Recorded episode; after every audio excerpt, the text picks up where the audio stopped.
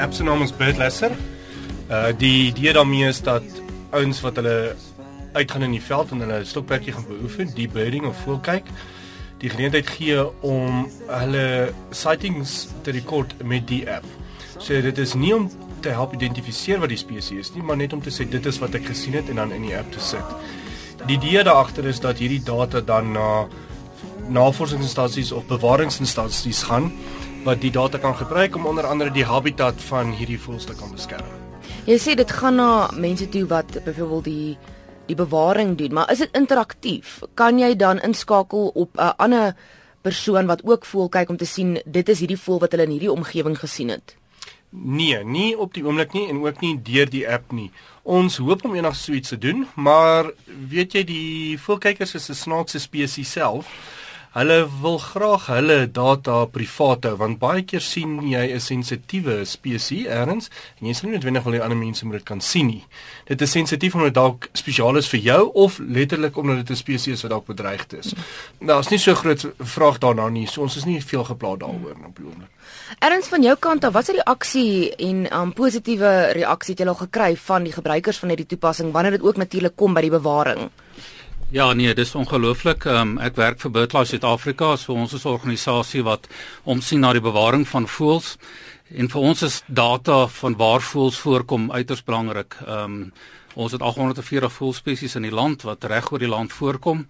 En dit is onmoontlik vir ons as organisasie, ons is redelik weet klein pers hoeveelheid personeellede, maar ons het geweldig baie mense wat voels kyk in die land. En dis nou waar Henk het nou verwys na hierdie citizen science gedeelte waar ons praat. So dit is waar gewone mense uitgaan en data ehm um, voels aanteken waar hulle voorkom. En dis waar ons in Birdlaser baie lekker saamwerk. So Birdlaser het na ons toe gekom en gesê hulle is bereid om hierdie data van bedreigde voelspesies met ons te deel. En ek kry omtrent tans so tussen 3 en 4000 rekords van bedreigde spesies per maand Ehm um, so dis mense wat uitgaan, hulle geniet hulle self, hulle hou van voëls kyk. Hulle sien 'n sekretaris voël of 'n bloukraan voël of iets in die veld. Hulle het hulle app by hulle op hulle selfoon. Hulle klik net op hom, die app kry die koördinate, die tyd en alles en een keer in 'n maand aan die einde van die maand dan stuur Henk al daai data vir ons by BirdLife Suid-Afrika. En ons kan daai data vir geweldig baie goed gebruik. Um, ons gebruik dit vir ons wat ons noem important bird and biodiversity areas program. Um, ons gebruik dit vir um, studies te doen oor weet GIS studies oor waar voëls voorkom, wat habitat hulle gebruik en sulke goed. Ons deel dit met regeringsinstansies wat dit gebruik vir beplanning, byvoorbeeld waar myne en die voort voorkom. As ons hulle maar jy kan nie 'n myn hier bou nie, want hier is die bedreigde spesies, hier is die datapunte vir daai spesifieke.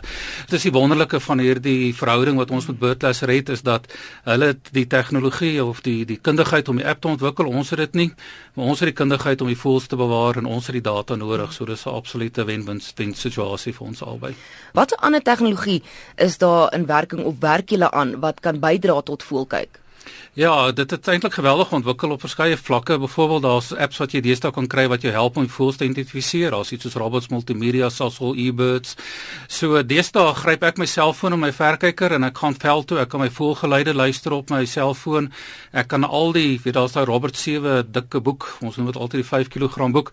Al daai data is op jou selfoon. So as jy 'n voël wil identifiseer, het jy die sketse, jy het foto's, jy het video's, jy het die klank tot die nesbeskrywings, alles is daarin. So Ehm um, so dis 'n hele volgits op jou op jou foon. Ehm um, voelfotografie het ook natuurlik geweldig uitgebrei. Ehm um, daar's omtrent nie deesdae iewers waar jy in 'n voelskuiling kan sit waar daar net 2 of 3 mense is wat voels afneem nie. So voelfotografie het geweldig gewild geraak. So vir party mense klink dit snaaks, weet maar ons sou altyd in die veld met 'n notaboekie rondgeloop het en neergeskryf het al wat jy nou vat is jou selfoon hmm. en jy teken jou data daarop aan. So is maar basies dieselfde, is net in plaas van 'n boekie, is dit nou 'n uh, 'n um, selfoon. So dit lyk seker vir mense partykeer snaaks op van die veld is om ons se deel te doen ons selfoon en speel. Ek sien partykeer mense kyk my baie snaaks aan. Ek het nou daag geloop toe loop daar kinders by wat 'n um, Pokémon soek en uh, ek dink hulle dog toe hierdie oom is baie. ja, ek voels. Ehm so uh, dit is ehm um, hier is maar net 'n ander manier hmm. van van mense se stokperdjie geniet en soos ek sê is 'n lekker manier wat jy ook dan 'n bydrae kan maak. birds